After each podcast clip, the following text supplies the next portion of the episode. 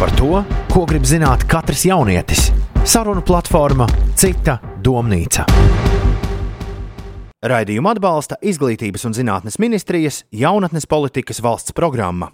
Es sveicināts piecēlē, atkal gaisā un ēterā, un arī piecēlē YouTube kanālā saruna platforma Cita domnīca. Mans vārds ir Karmens Stepanam, un šajā reizē mēs risināsim dzīvokļu jautājumu. Vairāk kārt šeit rādījumā Cita domnīca esam runājuši par to, vai jauniešiem ir jāizvācās no vecāku mājām, jāizlido no ģimenes līgstas, jāsāk dzīvot atsevišķi, jābūt patstāvīgiem, vai tomēr mūsdienās šis stereotips par patstāvību un izvākšanos ir mazinājies. Un Neatkarīgi no apstākļiem var turpināt mitināties ģimenes mājās. Neviens tev par to nenosodīs un eh, nespriedīs, ka tu neesi kaut kādā ziņā neatkarīgs vai kāds eh, citādāks. Lai šo jautājumu risinātu šeit, eh, redzējuma citu dunītas studijā, man ir pievienojies Jānis Krīvēns. Eksperts. Eksperts. Uzbūvēs kādu ārku. Cilvēks, kas veido podkāstu podraidi, sauciet to kā vēlties, pēdējā pilīte, un ir dzirdams arī Singpūšu satīnā, un vēl visur, kur. Un man citur. ir vēl viens šaus, kur nobanoja no YouTube, bet drīz būs atpakaļ. Mēs gaidīsim. Tāpat šeit arī Laura Čīsa, pazīstam kā Laura Lācis. Labrīt! Labrīt! Labi, pieņemsim, ka labrīt. cilvēks, kuram ir viedoklis un kur viedoklis bieži vien izraisa citu cilvēku diskusijas. Vai tā ir tiesa? Jebkurš viedoklis izraisa citu cilvēku diskusijas. Es vienkārši savus saku skaļi. Pirms ķeramies situācijai pie ragiem, mēs palūkosimies uz raidījuma radošās komandas sagatavoto sižetu un to arī paklausīsimies. Agrākais gatavošana prasīja daudz vairāk laika. Turklāt trauku mazgāšana arī. Speciāls nāzis mizošanai, katls ēdienam, karote tā ielikšanai un vēl atsevišķi piedarumi ēšanai. Nu, īsāk sakot, laika patēriņš ārkārtīgs. Jā, un tad vēl garšvielu izvēle. Jūras sāls vai smalkais, dažādi pipari, baziliks, vegeta un tā tālāk. Pārāk daudz izvēļu, lai neapjuktu. Nu, labākajā gadījumā ir kāds, kas to visu var pienest uz paplātes.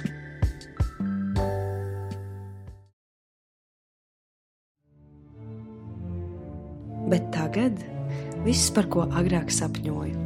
Starp citu, zinājāt, ka pagatavot nūdeles ir īpaša māksla.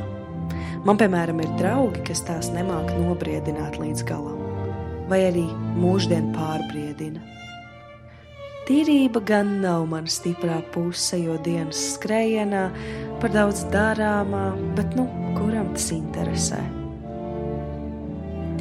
Vispār ēst uz zemes, kā tajās citās kultūrās, arī nav nevainas.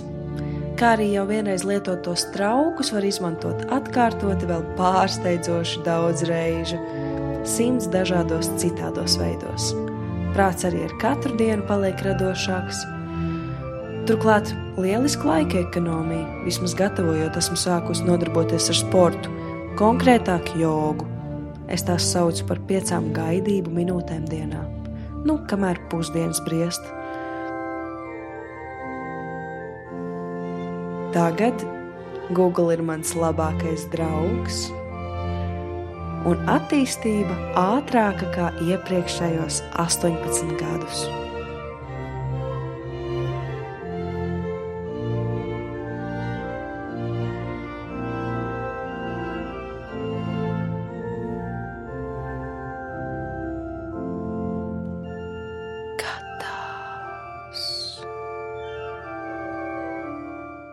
Paldies! Raidījums ir Donīts radošai komandai. Wow!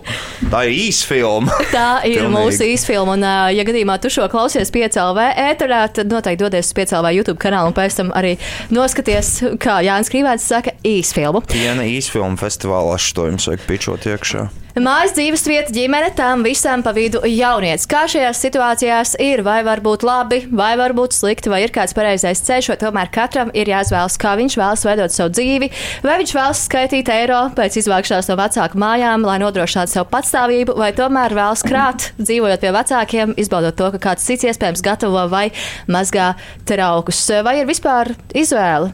Un vai izvēle, kur dzīvot, jaunieti var ietekmēt arī psiholoģiski. Par to visu mēs šoreiz runāsim. Un skaidrs, ka variantu ir daudz.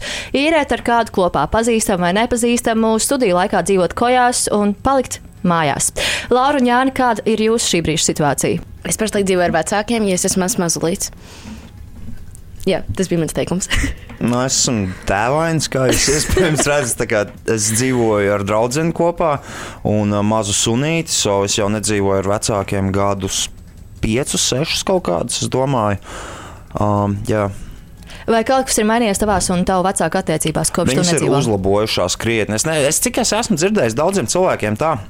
Man, man bija ļoti slikts attiecības vecākiem iepriekš, kad es dzīvoju ar viņiem. Es izvācos, ka man bija kaut kādi 22, 23 kaut kur tā. Un tev ir slikts attiecības, tāpēc ka tu pa lielam tu nedzīvo ar vecākiem, tu saproti, ka tu dzīvo pie vecākiem. Nav dzīvot ar vecākiem, lai cik ļoti es zinu, kāds ir, lai cik ļoti kaut kāda cilvēka vēlētos teikt, es dzīvoju ar vecākiem, nē, tu dzīvo pie vecākiem, un tā tas vienmēr būs. Un tikai tad, tu, tad kad tu esi pats izvācies, ka tu esi pats uh, uzkāpis uz miljonus grābekļiem, dabūjis papīri, uh, pirmos divus gadus kaut kā turbulenti, aptuveni mēģinājis nosēsties dzīvē patstāvīgā, tad tu tiešām saproti, cik tas ir patiesībā grūti sākumā. Bet tas ir ļoti vajadzīgs un tas ļoti svarīgi. Un es visiem iesaku izvākties, un jums uh, uzlabosies ievērojami attiecības ar ģimeni. Kādas bija pirmās grūtības, ar kurām saskāries? Naudas grūtības, protams. Visiem tās ir naudas grūtības. Nu, uh, visiem tās naudas grūtības tādā ziņā, ka. Uh, Reiķinies, tev pašam ir uh, jāpērk ēdiens, tev ir jāmaksā komunālē, tev ir jāmaksā telefons, tev ir uh, jāuztur veselīga sociālā dzīve, tev ir jāmaksā īri um, kaut kāda sabiedriskā transporta izdevuma. Tas saraksts vienkārši tā un tā un tā turpinās. Principā visu laiku. Un, uh, es domāju, ka tās ir arī tās grūtības, uh, kas piemeklē lielāko daļu jauniešu. Vismaz sākumā, tāpēc cilvēki izvēlas dzīvot uh, komunālajos. Principā tu atrod kaut kādu labu dzīvokli. Pieņemsim, centrā trīs stabu, četri stabu, atrod kaut kādus trīs, četrus labus čomus, un tad jūs tur visi kaut kā kopīgi mēģināt viens otru nenogalināt tajā procesā. Laura, kā ir ar tevi, vai kādreiz tu esi izjutusi vēlmi izvākties? Oh, es jums vienreiz uh, es biju šī tik tuvu, lai tiem, kuri klausās, es parādīju, ka tas bija ļoti tuvu ar pirkstiem. Uh, uh, izvākties jau šogad vairākas reizes. Man jau bija brīži, kad man čemodāni ir sapakoti, bet tad sapratu, ah, pagaidi, es neesmu finansiāli stabila. Uh, Mazs fakts izslīdēja ārā no galvas. Ups! Uh, Nē, nu, man, man patīk domāt, man, man ir 17, man pat- paliek 18, es jau esmu liela, man vajag izvākties, bet uh, tad es saprotu, cik tas ir dārgi un cik tas čakars ir. Iedomājieties, ka jums tā kā gandrīz katru dienu jāiet uz veikalu, lai pirktu, es nezinu, ko trauku mazgājumu līdzekli. Nu, fuj! Mēs iepriekš runājām arī par to, ka tu negribētu iet pielu ar tolts papīru. Jā, e- tas ir dīvaina lieta, bet es nekad, piram, pat ja es ar, esmu ar māmu veikalā, viņa tur nopērk tos papīru, iedomājos, man rokās man ir tāds kauns, man sajūta, ka kaut kāds 12 gadīgs puisis pienāks man klāt un haha, tu esi toleti. Es nezinu, maza paranoja, es nevaru nest tolets papīru. Es dievinu nestolas papīru, es to lepojos, man ir tā vikingu attieksme. Jā, pastieties uz mani lielā paka, jumbo paka, jūs zinat, ar ko jums ir darīšana, es zinu. Man ir tāda attieksme. Un vai tu spēji nopirkt arī trauku mazgājumu līdzekli? Absolūti, jā, vienreiz trīs mēnešos var atļauties. Zopastu. Absolūti. To, to gan es biežāk aizmirstu. Bet pirms tu dzīvoji ar draugiem, tu dzīvoji ar draugiem vai viens pats? Jā, jā, jā, es sākumā dzīvoju drāmā. Man liekas, tāds tas loģiskais solis. Zini, kā tas parasti ir džekiem? Džekiem parasti tas ir tā. Tu sākumā sāc dzīvot ar draugiem, un tad vienā brīdī tev parādās draudzene, un tu sāc no draugiem tā kā bišķiņa atver, un tad vienā brīdī tev ar draugiem ir tā saruna, vai nu es vācos ārā, vai jūs vācaties ārā. Man- man Kā jūs izlēmāt, kurš izvāksies un kurš paliks? Ē, diezgan demokrātiski. Kā, nu, tas, kurš ir vairāk, jo vienmēr, zināmā mērā, starp kaut kādu draugu kompāniju, vienmēr ir tajā dzīvoklī tas viens, kurš izdara visvairāk par visiem tajā dzīvoklī. Vai tā ir uzkopšana, vai kaut vai tas ir līgums uz viņa vārda, vai tas ir nu, sadzīvisks lietas. Vienmēr būs viens cilvēks, kurš izdarīs vairāk nekā citi. Un tad tāda nerakstītais likums parasti tādās komunās tāds, ka viņš ir galvenais. Ķipa, nu, tā. Alfa. Alfa. Viņš ir galvenais, tāpēc, ka tad, viņš tur izvācies, negribu vairs dzīvot pie vecākiem, jūs tagad dzīvojat pie alfas, jā? Jā, aptuveni, jā. Tu no vienas uh, cilts aizēji uz otru cilti. Bet tas ir labi izvākties. Tas ir. Uh, absolūti vajadzīgs. Tāpēc, ka nav tā, ka paliks baigi vieglāk. Zin, kā visiem jauniešiem ir tas, ka sākumā, oi, tas ir grūti, tas ir grūti un tā un šitā, bet būs vēl grūtāk, tā kā būs vēl lielāka zapara, vai ne? Un tev vienkārši jāiemācās uh, ar to balansēt, strādāt. Jo, ok, tu vari izvākties kaut kādos pieņems, pieņemsim, ja, ja Ja jums ir liela māja ar daudz vietu vai ļoti liels dzīvoklis, kā tas noteikti nav lielākajai daļai Latvijas iedzīvotāju, bet jums ir kaut kāda, nezinu, 119. sērija pļauniekos, trīs stāv dzīvoklis, visu šitādi saspiest. Uh, es nezinu, tās sekas var būt diezgan, diezgan uh, dramatisks, ja tu tur 30 gados sēdi uz kakla senčiem aptuveni. Tas tāpat kā tie čaļi, kas paņem kredītā Lexus un prasa mammai naudu priekš benzīna. Nu, Vai lai meitene aizvest to vakariņās? Jā, jā, jā. jā. Mm. Nu, un, un tādi ir, jūs būsiet, mums ir tādi labi, veselīgi burbuļi, kur tādas gadījumi nav patiesībā, bet jūs būtu pārsteigtas, cik daudz Latvijā ir tādu gadījumu. Vai jūs, prāt, var aizsēdēties ģimenes mājās? Tavs viedoklis ir skaidrs, Laura, kā ar tevi, vai tu redzi kaut kādu brīdi, kad tu izvāksies? Jā, es noteikti pirmajā brīdī, kad es dabūšu iespēju, es vākšos prom, čau, Dievs, independent woman. Uh, var mierīgi aizsēsties, es zinu tik daudz. Nu, Piemēram, man tur māsas draugi, kur nu, tur sēž ar vecākiem tajā mazajā dzīvoklī. Nepiemēram, viņi var tur meitenes vai puikas ciemos nest. Vienkārši nesmuki. Es nezinu, kā, tas ir liels solis būt patstāvīgam. Liels solis, ka es esmu liels puika, tagad es nedzīvoju pie mammas. Un, uh, nezinu, man Es, es pat nezinu, kā atbildēt uz šo jautājumu. Jā, var, var aizsēdēties. Man liekas, nesmuki. Es, es gribēju vēl pieminēt Laurai klāt. Uh, zini, ir, viņi, viņi noteikti zina tos keisus, ir daudz. Daudz cilvēki, kas teiksim, dzīvo ar vecākiem, entos gadus, viņi pabeiguši skolu, viņi strādā, viņi strādā ļoti daudz, bet viņiem nekad nav naudas. Kā, kā, kā tas sanāk? Tu, tu strādā tipa pilns slodzes darbu, tev ir kaut kādi 24 gadi, tu dzīvo ar vecākiem principā uz kakla un jā, nu, naudas. Kur pazūd šī nauda? Kur, ko jūs darat, kā jūs tālāk funkcionēsiet dzīvē? Tā Man fascinē tādi cilvēki, jo tā kā Ah, kā tas strādā? Kāds ir dzīves prioritātes? Dabūna auga nobliez viņu nākamajā dienā. Zini, kāpēc tas tā ir? Tāpēc, ka tie cilvēki, viņi zina, ka viss būs kārtībā aizparīt, ka mm. viņiem mājās būs ēdiens, ka viņiem būs kur pagulēt, kad nu, mamma iedos, tur tētis pārskaitīs kaut kas tam līdzīgs. Vienmēr ir tas spilvens. Bet tāpēc ir ļoti svarīgi bez mazai piespiedu kārtā to spilvenu vienkārši noraut nost un izmest. Nu, jā, un būs problēmas, būs grūti iekulsies parādos, bet, ja tev galva ir uz pleciem, tu no tā viss tiks ārā un tas tev padarīs padarīs tikai par daudz, daudz pilnvērtīgāku sabiedrības locekli, kad iemācīsies to strādāt. Tā tad ir atsevišķi gadījumi, kur vecākiem vajadzētu būt tiem, kas pasaka to, ka viss no šī brīža tev ir jāsāk domāt, kur dzīvos pēc mēneša. Jā. Absolūti, es varu piekrist, bet man šķiet, ka vecāki drīzāk ir tie, kuri negrib, lai tas ir. Jā. Jo vecāki, jā, tieši tās ir tendences. Mūsdienās tendences, ka vecāki grib to bērnu paturēt jā. maksimāli tuvu. Tas nav pareizi. Tā, tā nevajadzētu būt agrāk, lai cilvēki viens otru sit ar šķēpiem, bez mazliet tur, nu, ej, prom, cik ilgi tu tur vēl būsi. Nu, bija fiziski, tev bija fiziski grūti uzturēt vēl vienu cilvēku. Vienkārši gribēja atkritīties no viņa vienā brīdī.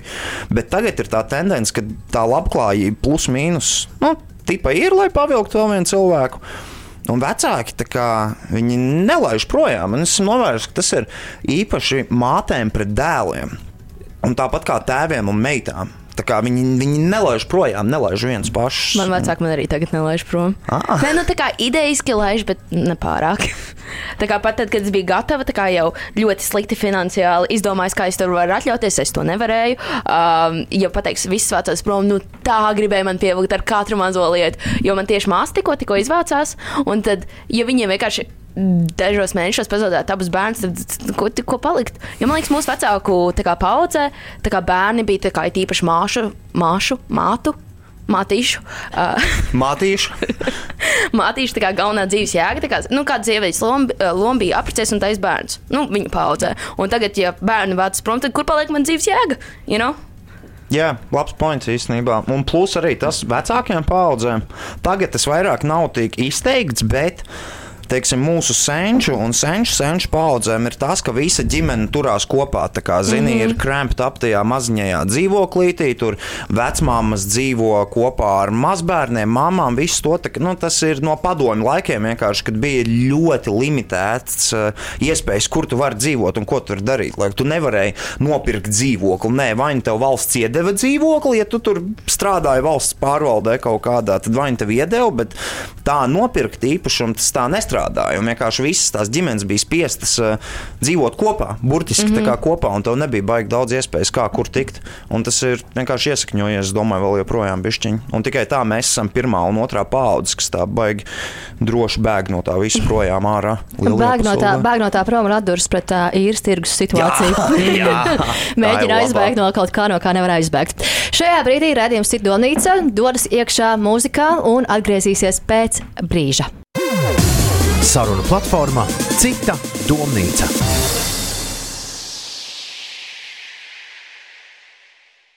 Radījums Sidormīts ir atgriezies. Šajā reizē mēs runājam par dzīvesvietām, par jaunieti, mājām un ģimeni. Kā tas viss saskarās, kā tas viss notiek un kur tas mūs aizved.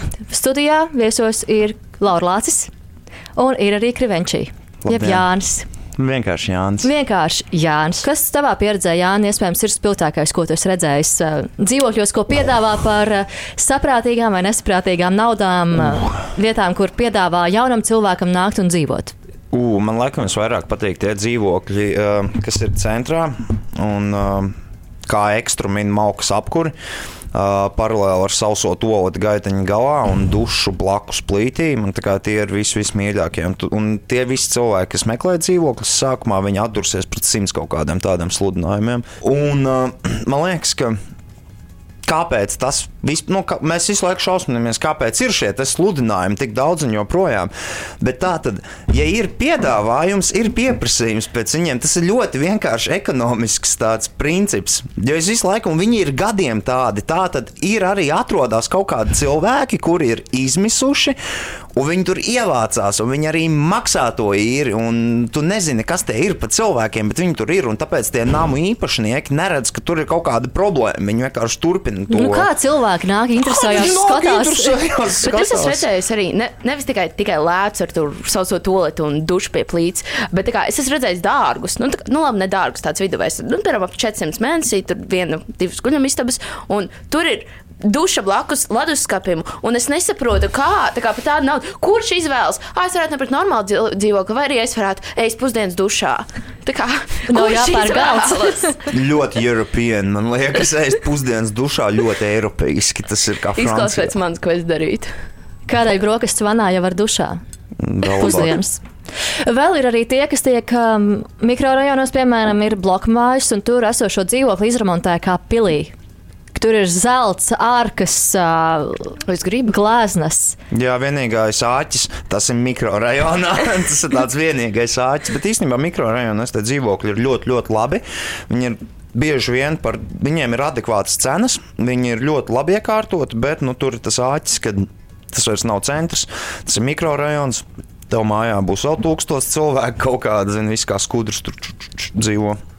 Tur atkal savas problēmas ir. Man šķiet, ka visur var atrast, kur piesieties šajos gadījumos, bet vēl ļoti simpātiski ir šie saulēnie dzīvokļi, kas patiesībā ir tumši.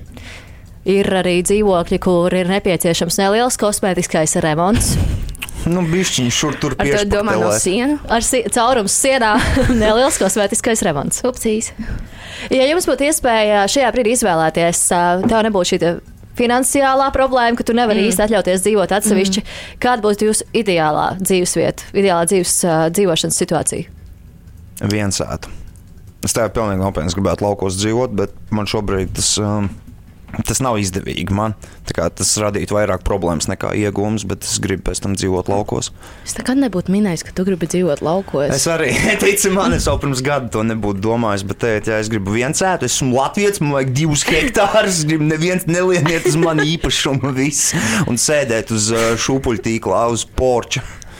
Tas tas, ko es gribu. Vai tev būtu arī kaut kādi uh, mājlopi? Labs jautājums. Varbūt man būtu kazas puķu skaits kā mailos. Jā, viņš skaits kā mailos, bet varbūt man būtu kazas. Es gribu lielā penthouse tā kā jumta mājas dzīvoklī. Es negribu privātu māju, jo tad ir tā kā dārsts, pa ko jārūpējas un fuj. Uh, uh, es gribu gigantisku dzīvokli veselu kā, kā lielu māju uz jumta pašā centrā. Vēlt man veiksmi. Mēs vēlamies tev veiksmi, mēs turam īkšķi par tavu sapņu piepildīšanos. Tagad es varu. Tagad es piekritīšu dzīvot kājās, man būs labi. Jā, par. Expectations versus reality, zini, atceries. Tā, kad tu ievāksies savā pirmajā dzīvoklī, atceries to uzstādījumu, pasties epizodi. Un salīdzina, kāda ir tā situācija. Bet ko es vai ko es vienmēr ir sliktas? Labi, es arī mm. pēdējo divu mēnešu laikā esmu dzirdējis stāstu, kur uh, cilvēks sāk studēt Rīgā, ievācas kojās, un tur ir kaut kādas kukaiņu problēmas. Viņas netiek novērstas, viņas tikai arvien palielinās. Un beigās tas spiests izvākties un meklēt, kurš radinieks tev dzīvo Rīgā, pie kura var, tu, pie kura var ielīst istabā, lai vienkārši pārziemotu. Vai jums ir bijuši kaut kādi uh, vienaudži draugi, kas ir mitinājušies kojās? Man ir bijuši pazīstami. Pirmkārt, manuprāt, visas kojas izstāsta pēc gulaga. Uh, nu, izstāsta arī kaut kādu padomu. Tā ir, jā. Uh, Otrā kārtā, tā kā tur vispār nav privātuma. Es esmu cilvēks, kurš es nevaru izturēt, ja man cilvēki ir apkārt. Man noteikti vajag savu istabu. Tur es nevaru dzīvot ar vēl vienu. Un tur, nezinu, tur kopīgā virtuve. Tev viss savs ēdiens jātur savā istabā. Tur visiem istabas ir pilns ar minifriģiem, ar pannām un kastroļiem. Un vienkārši izstāst tik nesmuki, jo tur ir tik daudz krāmu. Un katru reizi, piemēram, tu esi dušs, tev jāņem līdzi savs, tu esi virtuve, tev jāņem, jāņem līdzi maizargo visu, ko tu gribi izmantot. Un tik daudz apkārt cilvēku es nevarētu izturēt sajūtu prātā. Es labāk dzīvotu to dušu blakus leduskapim sausā tolta. Nu, uz tā fona vairs neliekas tik slikti. Jā, tu jau redzi, tu spēj sev vizualizēt. Jā, nē, nu vispār varētu tur vienu roku plīti piekārtot. Nebūtu tik slikti tāds bonus jau redzēt. Var Roltons kamerā mazgājies? Jā. Kāds ir jūsu viedoklis par to, kā risināt nesaskaņas ar vecākiem? Brīdī, kad dzīvo ar viņiem, tev jau ir ne tur plus mīnus 18 sākas, um, piemēram, strīd par nenomazgātiem traukiem, par to, ka tu dzīvo uz kakla vai nenovāc aiz sevis kaut kādas lietas, kā šīs problēmas risināt situācijas. Par to tu vienkārši savāc aiz sevis. Tu dzīvo ar citiem cilvēkiem, nevar nesavākt aiz sevis. Tava istaba vienalga, cik tev nekārtīga, bet viss kopējās istabām jābūt kārtībā, jo nedzīvo viens. Man liekas, tikai loģiski. Es nesaprotu bērnus, kur atstāja savus traukus vecākiem. Man liekas, vienkārši nesmuki, neaudzināti. Es nezinu. Es tā darīju kādus vairākus gadus, tagad esmu ietrenējies pats savus traukus. Vai tas bija caur pārunām, vai tu pati saprati to, ka ir jāsavāc? Mani vecāki, viņiem nepatīk tā kā manī. Uh, Nu, viņi, es neteiktu, viņam nepatīk man audzināt, bet, uh, piemēram, ja manā mamma redzē, redzēja, ka es atstāju trauks, viņa vienkārši to savāk. Mana māsa gan man vienkārši brau, uh, brauc augumā. Tā kā es atstāju vienu krūzīti lejā, es guļu gultā, vi- viņa nāk, Laura, lejā krūzīti savāc. Un tā es vienkārši iemācījos visu savākt pēc sevis, jo man ir bail no savas māsas. Es nezinu, man vecāki īsti, nu, laikam, ja tu, ja tu strādā. Tad, note, ja tu pats strādā un kaut kā pelna naudu, tad, man liekas, nu, no 18 gadiem īstenībā nevajadzētu vairs vispār vecākiem prasīt naudu.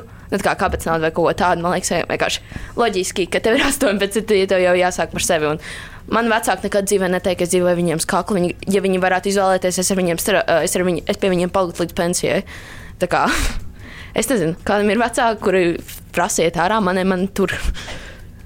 Jā, es arī neesmu īstenībā dzirdējis, ka tie vecāki baigi kaut kur stumti. jo, nu, Tā ir mūsdienās. Viņi mēģina tevi noturēt pie sevis, bet tās problēmas man šķiet lielai daļai jauniešu, ar ko viņi saskarās, uh, dzīvojot vecākiem, vienā brīdī ir tas ideoloģiskais konflikts. Mhm. Um, tu dzīvo pie vecākiem. Tavu vecāki no tevis sagaida, ka tu iesi augstskolā, tu paralēli strādāsi, tu laicīgi būsi mājās, tu mācīsies, tu neslapstīsies ar kaut kādiem aizdomīgiem cilvēkiem pa naktīm apkārt. Nu, tu, tu, tu, tu būsi principā tas, kas viņi vēlas, lai tu būtu. Bet tur tajā brīdī sāksies tas ideoloģiskais konflikts. Tu gribi darīt kaut ko pilnīgi citu, bet tev vecāki turpina uz tevi izdarīt spiedienu par to, kas tev būtu jādara, kas tev būtu jāstudē, kas tev būtu jāstrādā. Un vienā brīdī ir ar ko tev būtu jādraudzēs. Piemēram, tu sāc nu, vilkt kaut kādus draugus vai draugus mājās, nu, atšķirībā. Un tur baigais spiediens veidojās. Un, man liekas, tas ir tas, kas jauniešiem traucē, un tev nav citu variantu, kā tev ir jātiek ārā. Jo tajā momentā, kad tev vecāki vairs katru dienu neredzēs, jums tās attiecības veidosies daudz sirsnīgākas. Ja tagad, pieņemsim tā situācija tādu, "Ā, čau, mām, zini, tipa tā, "Ā, atkal, atkal. A tā, ka jūs neesat redzējušies nedēļu, un jūs tur reizi nedēļā sazvanāties, tev ir cita attieksme, tev ir pilnīgi tiešām kā tev iet, kas ir jauns, tev ir daudz sirsnīgāk un siltāk. Jo tev ir vienkārši jātiek prom, tev ir jādzīvo sava dzīve, nevis savu vecāku dzīves turpinājums caur, tā, caur tevi, vai ne? Kā, un tas ir man liekas ļoti svarīgi izvākties un veidot šo savu identitāti. Lai tevi nevar iespaidot no malas, un pēc kaut kādiem desmit gadiem nenožēlot, ka tu esi visu mūžu darījis kaut ko, ko citi gribētu, lai tu dara. Jo tur visi nožēlo vienā brīdī. Es nezinu, vai tas īsti ir par tēmu, bet ir ļoti daudz vecāku, kuriem vienkārši, ir, ja tu dzīvo ar saviem vecākiem, tad viņi tev privātumu vienkārši pilnībā ignorē. Man Jā. ir draudzene, kurai viņas istabā atrada, nu, es neatceros, man liekas, atrada vai ko tādu. Uh, un uh, viņai vecāki vienkārši durvis izņēma ārā. Un viņai vairs nebija durvis. Un man liekas, tik, tik Nopietni? Tas ir real Amerikā tā ir story? populāra lieta, ko dara Wow, vecāki. izņem durvis? Jā, vienkārši izņem durvis, tā nav Wow. privātuma. Jā, Wow. nu, tad tur vecāki iet pāri mantām, tur lasa visas īziņas. Nu, zini, un šitie sīkumi vienkārši, kas tev ikdienā topī, viņi tev sakrājās. Tev mm. vienā brīdī ir šausmīgs tas spiediena mērs pilns, un tāpēc vienkārši vajag labāk uh, tikt no tā ārā. Vienalga, jā, tu kļūdīsies, tev būs rīktīgi grūti, kad sāks. Tev būs šausmīgi grūti iekulsies. Lielākā daļa cilvēku iekuļas lielos parādos, bet viņi arī tiek no tā ārā. Nu, tā ir dabīgs. Tas ir dabīgs ceļš no tā izaugšanas procesa. Tu, Tu, tu mācies, kļūdies, mācies, kļūdies, mācies, un tad tu atrod to, kas strādā beigās. Un no tā nevajag baidīties. Lielākajai daļai cilvēku kaut kas nesanāk sākumā, tāpēc viņi nepadodas. Labi, vecāki ir viens brīdis, kad ā, jaunietis izvācas no vecākiem, sāk dzīvot ar draugiem, kā arī tu izdarīji. Vai vieglāk ir risināt konflikts situācijas ar ģimeni vai ar draugiem? Jo dzīvot ar draugiem, Ar taču arī radīsies situācijas, kur būs kaut kāda ecēšanās. Zini, man liekas, tas ir īstenībā atkarīgs no tā, kādi jūs esat draugi. Tā kā, nu, jo lielākoties.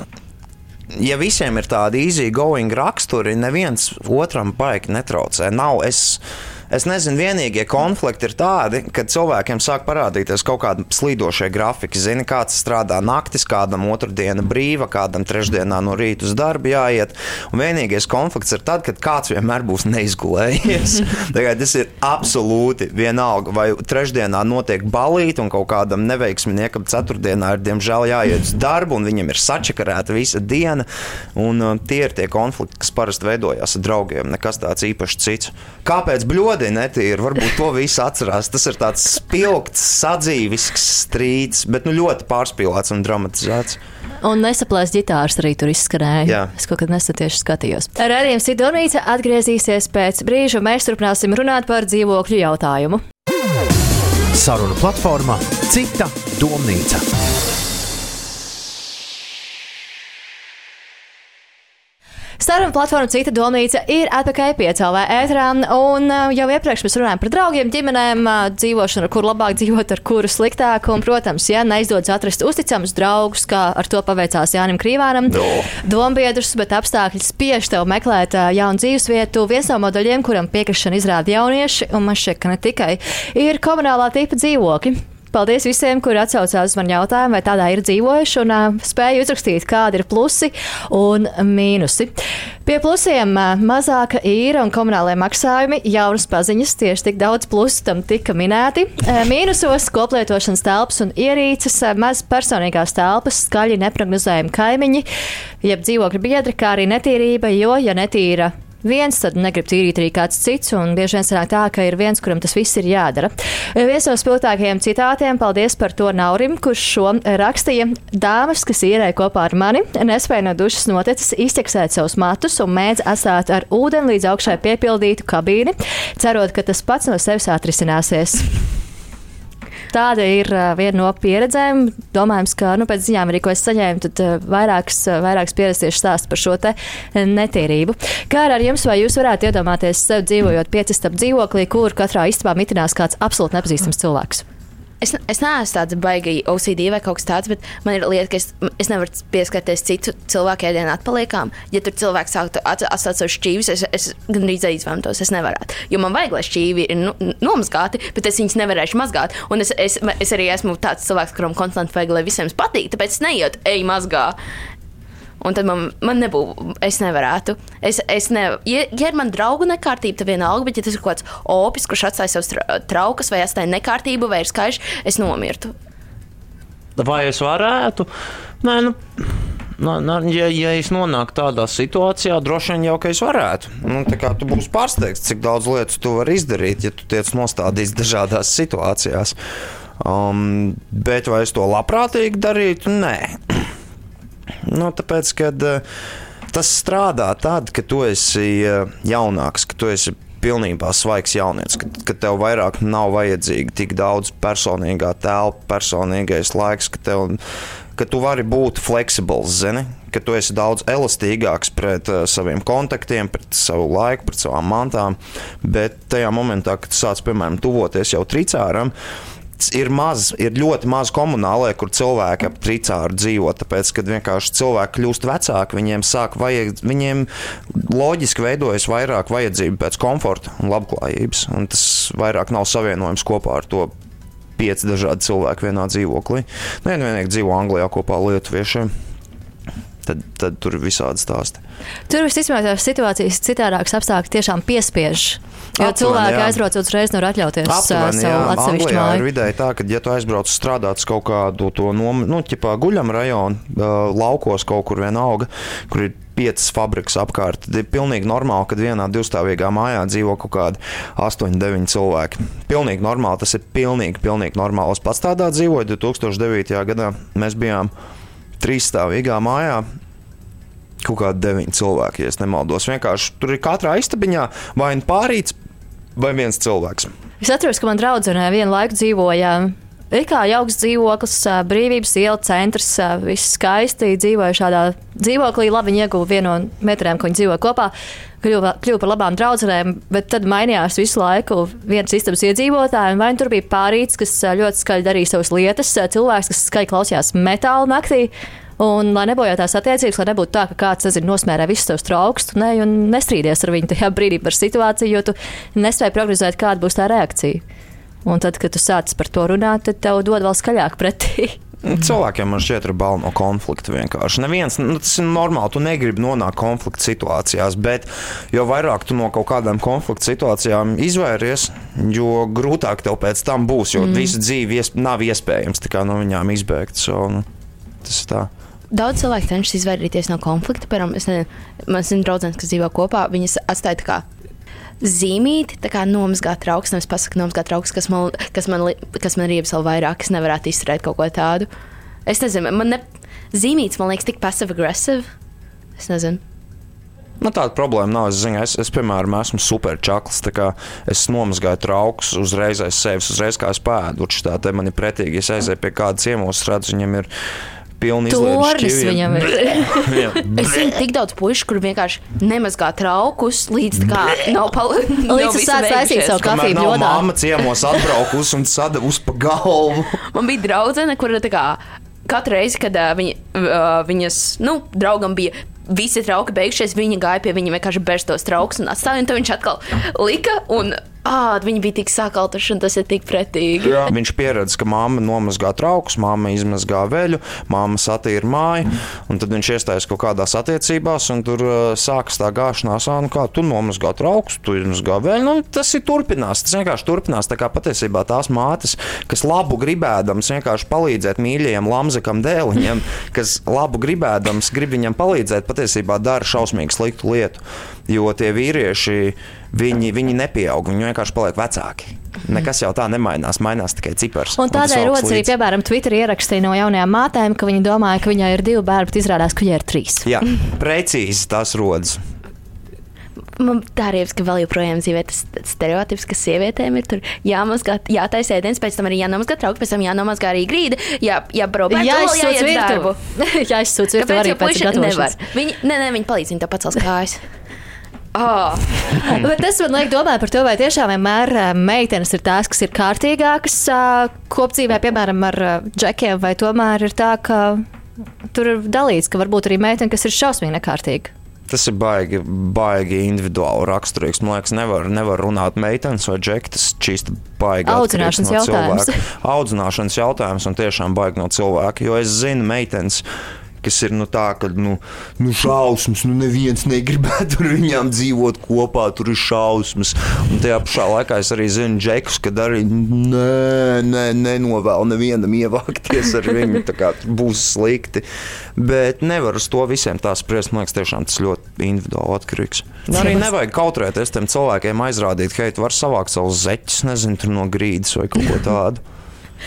Tas jau ir tikai labi. Tas nav nekas slikts. Varbūt cilvēks to sākumā uztver kā aizvainojumu, tipo, hei, ko tu, ko tu tur saki. Bet nu, tu jau gribi dzīvot vienkārši normālā vidē, vai ne? Tā kā to saki draugiem, kuriem tu atnāc ciemos, vai draugiem, ar ko dzīvo? Tā kā tu atnāc ciemos pie kāda un pasaki savāc uz zeķes. Es esmu tā vienreiz Ah, teicis. Tu gribi apsēsties uz dīvāna, tur vienkārši zeķis stāv. Es tur lūdzu sakārtot. Tu zināji, ka es būšu. Un tu zināji, ka man nepatiks. Skumji ir tas, ka viņš visticamākais mazliet piekārtoja. Mazliet, un, stil, un viņš neredzēja problēmu ar to. Viņš kaut ko iztaisnoja, tur varbūt ielika kaut, kaut ko veļas mašīnā, paslēpa ķip un tā. Bet Pabāzes zem dīvāna. Viss, ko vajadzēja. Atgriežoties pie ģimenes jautājuma, ar savu komentāru dalījās arī sportiste Sindija Bukša. Sveiki, mani sauc Sīnija Bukša. Īsumā par mani esmu vieglatlētne un ar to nodarbojos jau astoņus gadus. Studēju Latvijas Universitātes sociālajā zinātņu fakultātē, taču šobrīd esmu paņēmusi nelielu pauzīti no studijām, lai sagatavotos Olimpiskajām spēlēm, kas norisināsies jau nākošais gads Tokijā. Bet runājot par to, kā dzīvot atsevišķi no vecākiem, noteikti varētu teikt to, ka tas ir forši, dinamiski un komfortabli. Uh, forši tas, ka uh, tu dzīvo vienkārši atsevišķi no vecākiem, dinamiski noteikti tas, ka tu pats vari kārtot savu grafiku un, uh, respektīvi, tu vari nākt mājās un, un iet, kad tu vēlies prom. Un tev neviens nepārmetīs par to, ja tu atnāksi 12. vakarā, tu nevienu nepamodinās un tā tālāk. Komfortabli noteikti tas, ka tu esi viens, tu dzīvo atsevišķi. Nu, varbūt arī tajā sliktākajā gadījumā tu dzīvosi ar dzīvokļu biedriem sākumā, taču tāpat tas būs labi, jo vecāki nekontrolēs tavu dzīvi vairs, vai ne? Bet uh, lielākais mīnus, uh, ko es varu teikt, uh, dzīvot atsevišķi, uh, tev nekad nebūs naudas. Burtiski, vai nu tas, nu, tas ir vienkārši tas ir uh, liktenis uh, studentam, kurš dzīvo atsevišķi. Viņam nekad nebūs naudas, ja nu vienīgi viņam uh, vecāki nesponsorē šo dzīvošanu atsevišķi. Uh, un otrs mīnus tas, ka uh, tev pašam jāmaksā uh, rēķini, jābūt pastāvīgam, jābūt uzņēmīgam, atbildīgam noteikti. Par to, ka uh, rēķini jāsamaksā laikā, tu nevari pateikt to, ka tu sam nē, samaksāšu pēc uh, nedēļas, tas tā nestrādā, uh, īpaši pieaugušo dzīvē. Un uh, trešais mīnus noteikti ir tāds, ka uh, tevi nekad vairs negaida mājās uh, siltas vakariņas, uh, ko mamma būtu pagatavojusi, piemēram. Uh, Tā vietā tu atnāc mājās, uh, un tev, tev jāpagatavo pašam šīs vakariņas. Un, tas būtu tas trešais mīnus. Bet kopumā varētu teikt, ka dzīvošana atsevišķi nav ļoti izdevīga lieta. Tāpēc es ieteiktu dzīvot pie vecākiem, kamēr, kamēr var. Noteikti izmantot visas iespējas, kamēr tev nekas tā diži nav jādara. Bet, ja tu vēlies būt patstāvīgs un pats savas dzīves valdnieks, droši vien tad jādodas dzīvot atsevišķi no vecākiem. Kopumā varētu teikt, ka dzīvošana atsevišķi priekš manis uh, ir forša, un uh, es nevaru iedomāties, ka es varu atgriezties pie vecākiem. Uh, esmu par to domājis, kad kaut kādi grūti brīži, bet nē, nebūs. Tā kā, bet es varu ieteikt tikai to, ka pats pašam vajag izvērtēt, izvēlēties, vai vēlties dzīvot atsevišķi, cik jums tas būs izdevīgi, vai jūs tiksiet ar to galā, jo dzīvošana atsevišķi nav viegla. Mans lēmums ļoti ilgi nāca, es par to ļoti ilgi apdomāju. Tas nebija tāds viena mirkļa lēmums, noteikti nē. Tāpēc noteikti vajag apdomāt, pirms tu kaut ko tādu uzsāc, jo līdz ko tu sāc dzīvot atsevišķi no vecākiem, viss tava dzīve sākas, un vecāki arī tevi uzskata par jau, teiksim, pieaugušu cilvēku, un, un tās sarunas jau ir mazliet citādākas. Paldies Sindijai par viņas komentāru, vai jums ir komentārs par komentāru? Es droši vien piekrītu viņai. Es, es arī varētu piebilst, ka, ja man vajadzētu atkal dzīvot, es nevarētu dzīvot vecākiem. Tas nebūtu vairāk iespējams. Tā, tu to esi tik ilgi darījis, es daudz vairāk novērtēju neatkarību. un uh, privāto telpu, un to, ka mēs esam no divām ļoti dažādām planētām. Kā tas ir, es domāju, ar ļoti lielu daļu paudzes, divas planētas. Uh, tad, kad tu esi tik ilgi bijis patstāvīgs un neatkarīgs, tad nevar vairāk atgriezties atpakaļ. Tas tā vairs nestrādā. Man tas rodas pilnīgi cits attiecības uh, Jā, ar jā, vecākiem. bet labā nozīmē, labā nozīmē, un tu gribi arī viņas tādas saglabāt. Par plusiem dzīvošanai pie vecākiem, dzīvošanai ar ģimeni, lai arī kāda tā nebūtu. Jautājumi arī piecēlā Instagram sekotājiem. Un pie plusiem tiek uzskaitīts jau iepriekš dzirdētais. Lētāk nav jāmaksā rēķini, ēst gatavo kāds cits, dod gan ēst, gan naudu, ir morālais atbalsts, sarunas un padomi. Kā kuram? drošība un mīlestība. Un, piemēram, dodoties kādā ceļojumā, ir vieglāk apzināties to, ka ir kur atstāt savu mājdzīvnieku. Man patīk, tur ir viens tāds dodēs un dod naudu. Jā, tas ir viss, kas ir vajadzīgs no ģimenes. Un vēl mēs jautājām arī to, kāda ir mūsu Instagram sekotāju situācija, dzīvo atsevišķi vai ar ģimeni, un rezultāts brīdī, kad aplūkojām atbildes, bija 50 pret 50. Ā, Kāda, jūsuprāt, ir mīnus dzīvojot ar ģimeni, jo te mēs redzam ļoti daudz pozitīvas pluses? Ēdienas, nauda, morālais atbalsts. Mīnusi. Jā, mīnusi. Um, nu, tas, ka dienas beigās tu dzīvo uh, pie ģimenes. Es, es, es zinu, ka visi teiks, nē, es dzīvoju ar ģimeni. Nē, tu dzīvo pie ģimenes. Iespējams, ka tā, ka līdz konkrētam vecumam tu dzīvo ar savu ģimeni. Tad... Iespējams, jā. Ļoti labi, patiesībā ļoti labi. Man šķiet, ka tajā brīdī, kad tev nohito nu, kaut kādi 20 gadi, tu dzīvo pie ģimenes, lai kā to negribētos atzīt. Bet tie mīnus arī ir tādi, nu, dienas beigās tu neesi savs cilvēks. Un tas, ko arī Sindija teica, tu tiec ļoti viegli iespaidots un ietekmēts, un tu, ne, tu nekad nebūsi līdz galam neatkarīgs un brīvs. Tas ir, tas ir tas, jā, tas ir tas, ko kāds klausītājs, eh, sekotājs Instagramā bija rakstījis. eh, Pie plusiem viņš ierakstīja pēc tam arī mīnusu, ka tevi kontrolē. Jā, tu tiec kontrolēts jā, visā, protams, ko dari, un mēs arī par to absolūti. runājām. Ka ir kontrole. Vai ir iespēja kaut kā izvairīties no šīs kontrolas? Kaut Nē, kā tas nav. atrisināt? Jo dienas beigās tā ir tava senču māja, un tie ir viņa noteikumi, un tu esi viņu sīkais. Un tu vienmēr, un pat ja tev būs 40 gadīgs lamzaks, tu tāpat būsi viņu sīkais kaut kā dienas beigās. Jā, nē. vecākiem patīk atgādināt to, ka bērns tas visu mūžu. Jā, jā, jā. jā, jā. Nu, tas, kas ir gan jauki, skaisti, tas ir gan Tas, mīļi. tas ir šausmīgi Bet brīdī, mīļi kad ir skaisti. 40 un dzīvo pie saviem vecākiem, un tas saka bērniņi. Tu kaut ko iespējams dari nepareizi. tā kā Tev vajadzētu ļoti pārdomāt savas dzīves izvēles iepriekšējās.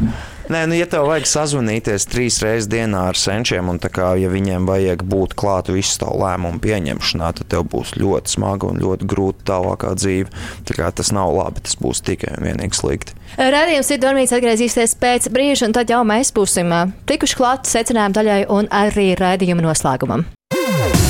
Sarunu platforma Cita domnīca.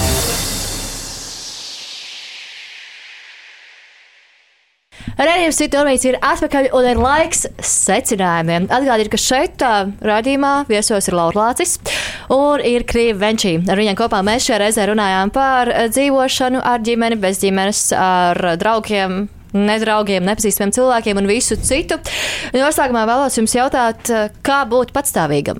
Neatkarīgi no tā, vai tu dzīvo ar vecākiem vai ārpus mājām. Darbs. Tas ir darbs, tev jādara lietas. Fui. Man liekas, ļoti, tas būs, būs tāda filozofiska atbilde, bet vislabākais veids, kā būt pastāvīgam, ir vienkārši sākt uzņemties atbildību par savu rīcību. Vienalga, kāda tā ir laba vai slikta, vienkārši uzņemies atbildību par pilnīgi visu, ko tu dari, vienalga, vai tas ir labi vai slikti. Un tajā brīdī, kad sāks uzņemties atbildību, tu sāks veidoties kā cilvēks un patstāvīgs. Tas ir galvenais. Kāda būtu tā padome jaunietim, kurš šobrīd plāno izvēlēties, kas ir tās pirmās lietas, kas ir jāzina, iespējams, kas tev būtu palīdzējuši, ja tu zinātu brīdī, kad tu 23 gados pameti līgstu? U, es būtu zinājis, ka tev pietrūks nauda. Tā kā tev rīktīgi nauda pietrūks. Ja tev liekas, ka tu savilksi galvas, nē, tu nesavilksi galvas, es tev varu to apliecināt.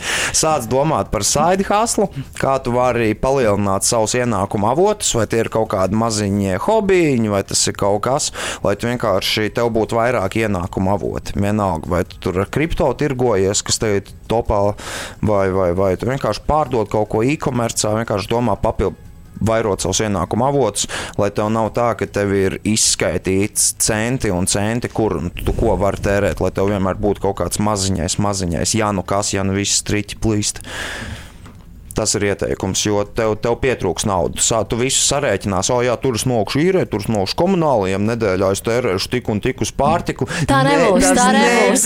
Nē, nu tas nestrādā tā. Tāpēc vienkārši tā vietā, lai tu sevi spīdzinātu kā mūks un tur dzīvotu tikai uz roltoniem, vienkārši izdomā, kā tu vari vairāk nopelnīt. Nē, esi slinks un domā par ienākumu avotiem. Viss. Laura, tu pats teici, ka tev māsā nesen izvācās, vai no viņas tu jau esi dzirdējusi, kas iespējams būtu jāzina. Ah, nu, tas, ka ir dārgi. Uh, paklāji ir tik sasodīti dārgi. Kurš būtu domājis, ka paklāji ir dārgi? Es arī savai istabai gribēju nopirkt pasies, bet tas nevajag man paklāji. Uh, viss ir dārgi. Uh, nē, es nezinu. Nu, un kas viņa, viņa ar savu puisi kopā ir finansiāli stabilāk nekā vienam cilvēkam. Uh, viņiem ir darbi, bet uh, tik un tā. Tā kā iepriekš uh, aizbrau, aizbraucam uz Holandu brīvdienās, nu, vai aizbraucam. Tagad aizbraucam uz Holandu, tu esi traks, es nevaru ar sabiedrisko aizbraukt. Nevar no centra ārā izbraukt ar sabiedrisko tādu ir situācija. Kā jūs domājat, vai dzīvojot atsevišķi, ir jābūt maksimāli neatkarīgam, patstāvīgam? Tajā brīdī, kad izvācies, viss naudu vairs neprasi, padomu neprasīja, tiešām meklē visu Google un censties, to? sisties Nē, cauri. kāpēc? kāpēc? Es, es domāju, ka tur nav pilnīgi nekas slikts, ja tu laiku no laika pasaki, hei, zini kā, ja tev ir problēmas. Tici man, labāk pajautā vecākiem, hei, jūs man nevarat lūdzu šomēnes palīdzēt, bišķiņi nevis ņem pirmo ātrā kredītu, ko tu vari dabūt. Tā kā nopietni tas ir, jo tas daudz, daudz jaunieši, viņi, viņi dzīvo tajā ilūzijā, ka viņi ir super patstāvīgi un super uh, neatkarīgi, bet tā ir ilūzija. Viņa ilūzija ir balstīta uz dažādiem finanšu instrumentiem, kas sakrājušies. Un tā vietā, lai varbūt uzreiz ķertos pie viņiem, nu, nu norīt to pašlepnumu un pajautā sensim vai muterei vai kam, hei, man šomēnes nesanāca tā, kā es to gribēju. Varbūt varētu man pišķiņš šomēnes palīdzēt. Es neredzu, ka tur ir kaut kas tik slikts. Ja tu vienkārši tā, ja, protams, ja tas nav visu laiku, bet nu, tā, šādi, tā, tas ir normāli. Visi viens otram palīdz. Un tad labāk vienkārši meklē, kā tu vari dabūt no tuvākiem cilvēkiem sev tos resursus, nekā iepinies tur, kur būs grūti tikt ārā pēc tam. Un noslēgumā vēlos jums jautāt vēl to, vai mūsdienās ir slikti, ja cilvēks ap 20, 25 vēl dzīvo ar saviem vecākiem? Pie vecākiem, tad jau ir pie vecākiem. Nē, 20, 25 tā vēl nav universitātes laiks. Es nezinu, es nezinu kā ir. Tas varētu, kā kuram, ja aiziet mācīties universitātē, tas ir Nu, universitātes man laiks. Jā. līdz universitātei un maz brītiņš līdz kā, pirmajam darbam, tad ir tā kā, tas normāli un ļoti pieņemami. Tā kā tev ir universitāte, tev, ja tev ir grūti tev, un tev laika iet, iet uz darbu, tad jā, tu vari dzīvot ar vecākiem. Bet tad pēc tam, you know, sadabū mazliet savu dzīvību kopā, nevajag ar pirmo algu iet un vai izvācamies. Ā, pagaidi, man nav mēbeļu. Um, nu, es nezinu, man, man liekas, tas ir normāli, bet katram ir jācenšas būt mazliet atbildīgam. Jo tā kā neviens negrib dzīvot pie vecākiem mūžīgi. Ne, nu, tas ir normāli ideja, jā, bet tas ir normāli, ja tu centies dabūt savu dzīvi kopā. Nevis, ja tev vienkārši man šeit ir ērti. Mm, Latvijā, zini, kas ir baigā problēma? Latvijā ir tāda lieta, kas, kas ir tipiska mums Austrumē Eiropā. Cilvēki rietumē Eiropā ir daudz turīgāki, bagātāki, un tur ir arī ģimeniskās attiecības bišķiņ citādākas nekā šeit. Tur cilvēki, viņi pabeidz vidusskolu, viņi iestājas augstskolā, un viņi pārsvarā nestrādā. Ja viņi studē augstskolā, viņi studē augstskolā. Lielāko daļu laika daudz no viņiem pat paliek pēc augstskolas. Viņi arī uzreiz nesāk strādāt. Viņi bišķiņi paceļo apkārt, viņi eh, pa, paņem vēl kaut kādus jaunus kursus, un, jo tur vecākas nu, ģimenes to visu var atļauties. Latvijā mums ir tā situācija tāda. Tu uzreiz pabeidz vidusskolu, tā tev vajag darbu, tev vajag augstskolu, tev vajag savu dzīvokli. Tu, tu, tā kā, tas tā nestrādā. Kaut arī mēs kaut, kaut kā mēs izmanāmies to pavilkt daudzos gadījumos, bet tā tam nevajadzētu būt. Jo mums ir šausmīgs jaunības kults, mums vajag visu tagad, un uzreiz, un ātrāk un vairāk. Bet, teiksim, Rietumē Eiropā cilvēki sāk. Viņi pamet līgstu ap 26 gadu vecumu. Aptuveni, jā, tā ir. Ap 26, 27 gadu vecumu cilvēki tikai vispār sāk.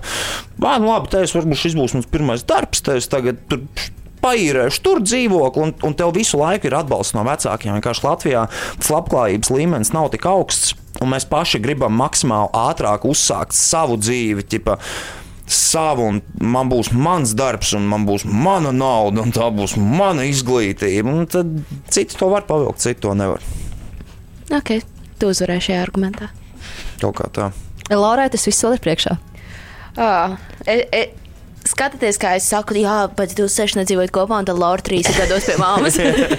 skatieties vienkārši. Paldies, paldies jums abiem, ka šajā reizē ieradāties radījumā Cita domnīca.